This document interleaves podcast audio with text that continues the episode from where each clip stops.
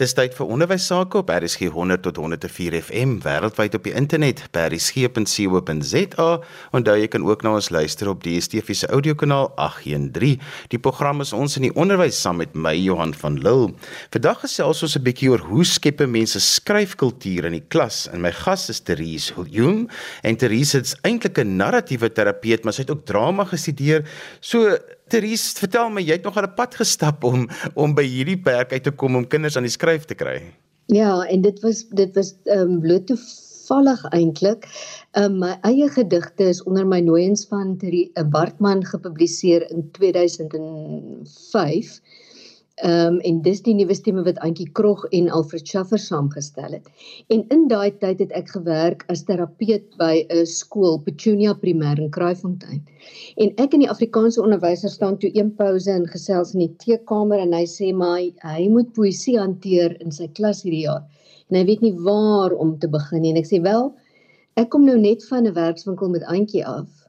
As jy wil kan ek aangee wat ek daar ervaar het na jou klas toe. Toe sê asseblief. En toe vat ek 'n trommetjie en die Ingrid Jonker gedig op die voetpad ver, die donker man, toe maar die donker man. Op die voetpad ver van die horison skat stap 'n ou man wat jy ken daai een. Hmm. En toe begin die kinderskap op die banke en die een ouetjie het voor 'n drom gevat en toe gebeur daar iets in daai klas en toe besef ek die poësie leef klaar hier, dit moet net ontgin word. Ehm um, ek het nie nodig om iets te bring nie. Ek is eintlik net die ontginner van wat klaar daar is. En dit sluit eintlik aan by my narratiewe benadering. En toe het ek nog 'n gedig gevat, ek het die Bruiten gedig gevat. Ehm um, ek sal sterf en na my vader gaan Wellington toe met lang bene in die lug. En dit was 'n wat hy self gelees het op sy mondmusiek CD.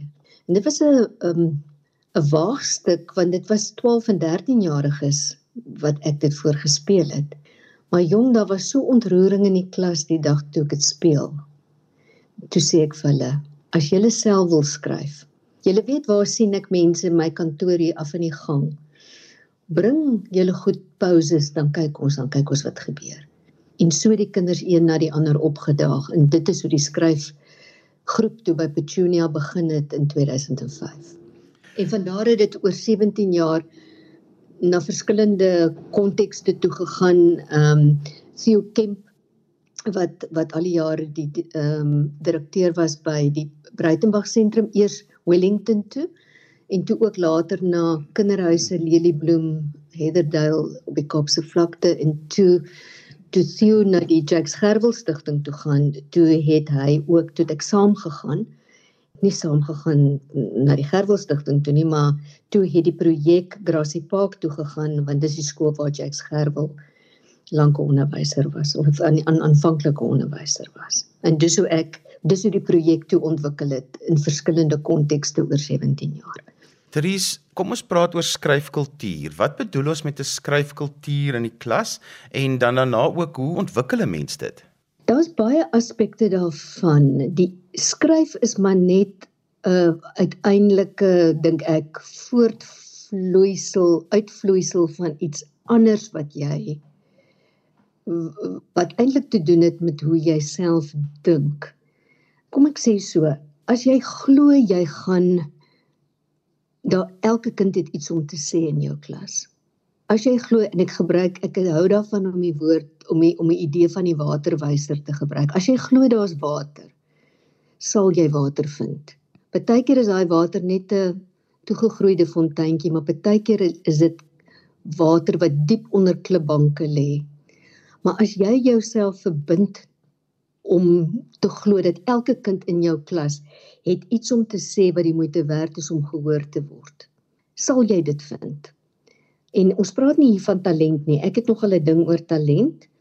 Want sodra jy begin dink aan wie het talent en wie het nie talent nie, dan skep jy vir jouself boksies waarin jy kinders sit. En daai kinders het klaar eintlik hulle self al in daai boksies gesit, jy weet. So juffrou, jy moenie vir my vra nie, vra vir vra vir Marie, sy is die een met die talent vir skryf. Jy weet. So ek werk nie met die met die konsep van talent nie. Ehm um, ek verkies om te werk met die idee van stem. Elke kind het iets om te sê en ek wil ek wil dit graag hoor. So my eie uitgangspunt in hoe ek en dan stel ek geweldig belang in die detail van kinders se eie ervarings. So 'n kultuur waarin daar nuuskierigheid is vir wat kinders het om te bring. Man, kinders reageer daarop so fantasties dat as jy oop is om te hoor, sal hulle bring. So 'n skryfkultuur is in die eerste plek lê by wat jy self glo, hoe jy self luister en dan ook die 'n ander belangrike aspek vir my is is hoe skep jy vrymoedigheid um in 'n klas en waagmoed want as jy jy kan eintlik nie kreatief wees as daar nie waagmoed is nie.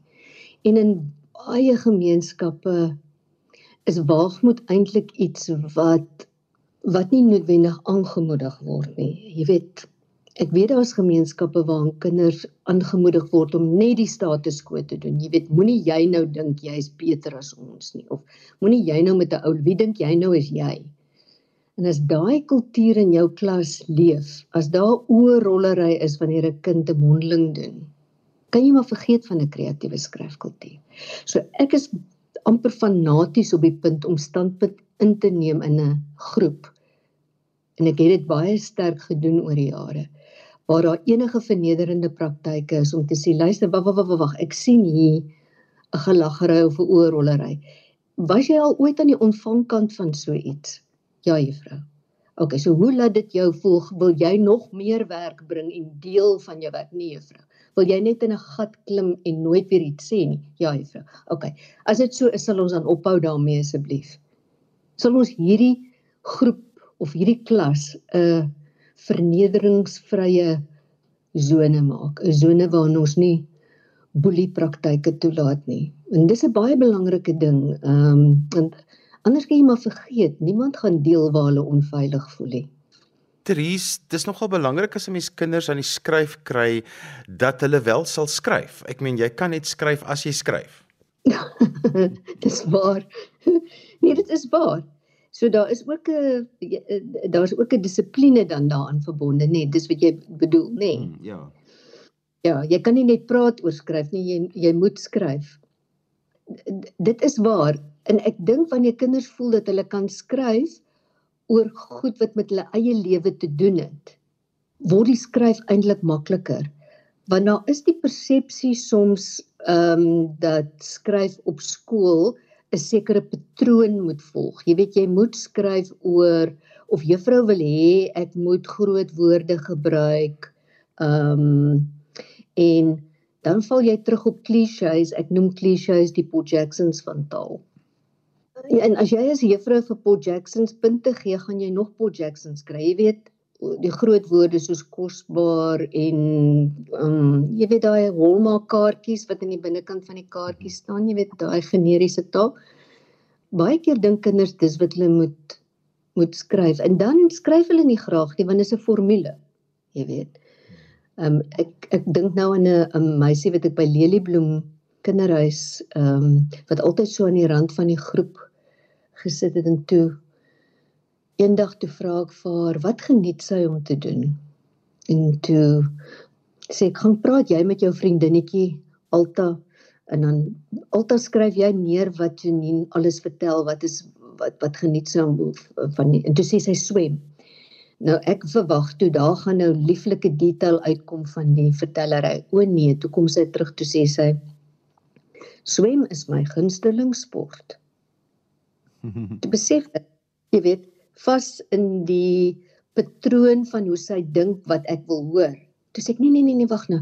Kan ek jou net vra, waar swem julle? Nee juffrou by Meisenberg. Juffrou is eintlik life saving, antipopulêr vir ons life saving. Sê ek okay, okay. Maar sê nou vir my, vertel nou vir my amper soos in 'n fliek as jy nou aankom by Meisenberg nie. Hoe is dit? Sê juffrou, ek gaan met reguit arms in die water in. En toe begin sy skryf. Want toe sien sy skryf het iets met haar eie lewe te doen. Dis nie 'n formule wat sy moet volg nie. Sy kan die klisjées agterlaat en is veilig genoeg om dit te doen. En daar's waardering vir wanneer sy met daai sin kom. En jy sien ek het omtrent omgeval toe ek daai sin hoor. Ehm um, en sy kon sien hoeveel plesier dit my gegee het, jy weet. Is dit nie mooi nie, Johan? Hmm gaan met arms in die water in. Hm? Dis 'n pragtige sin as jy sopas ingeskakel het jy luister na ons in die onderwys saam met my Johan van Lille. Ons gesels vandag 'n bietjie oor hoe skep mense skryfkultuur in die klaskamer. My gas vandag is narratiewe terapeut Tries Holm. Ons gesels vandag in ons in die onderwys oor idees vir die skep van 'n skryfkultuur in die klaskamer. My gas is narratiewe terapeut Tries Holm en ons praat 'n bietjie oor idees wat jy in die klaskamer kan gebruik. Tries gee vir ons 'n paar idees van wat mense kan doen in die klas om kinders aan die skryf te kry maar nog meer eh, nog om daai skryfkultuur te ontwikkel want dit moet ook hmm. baie te doen met terugvoer.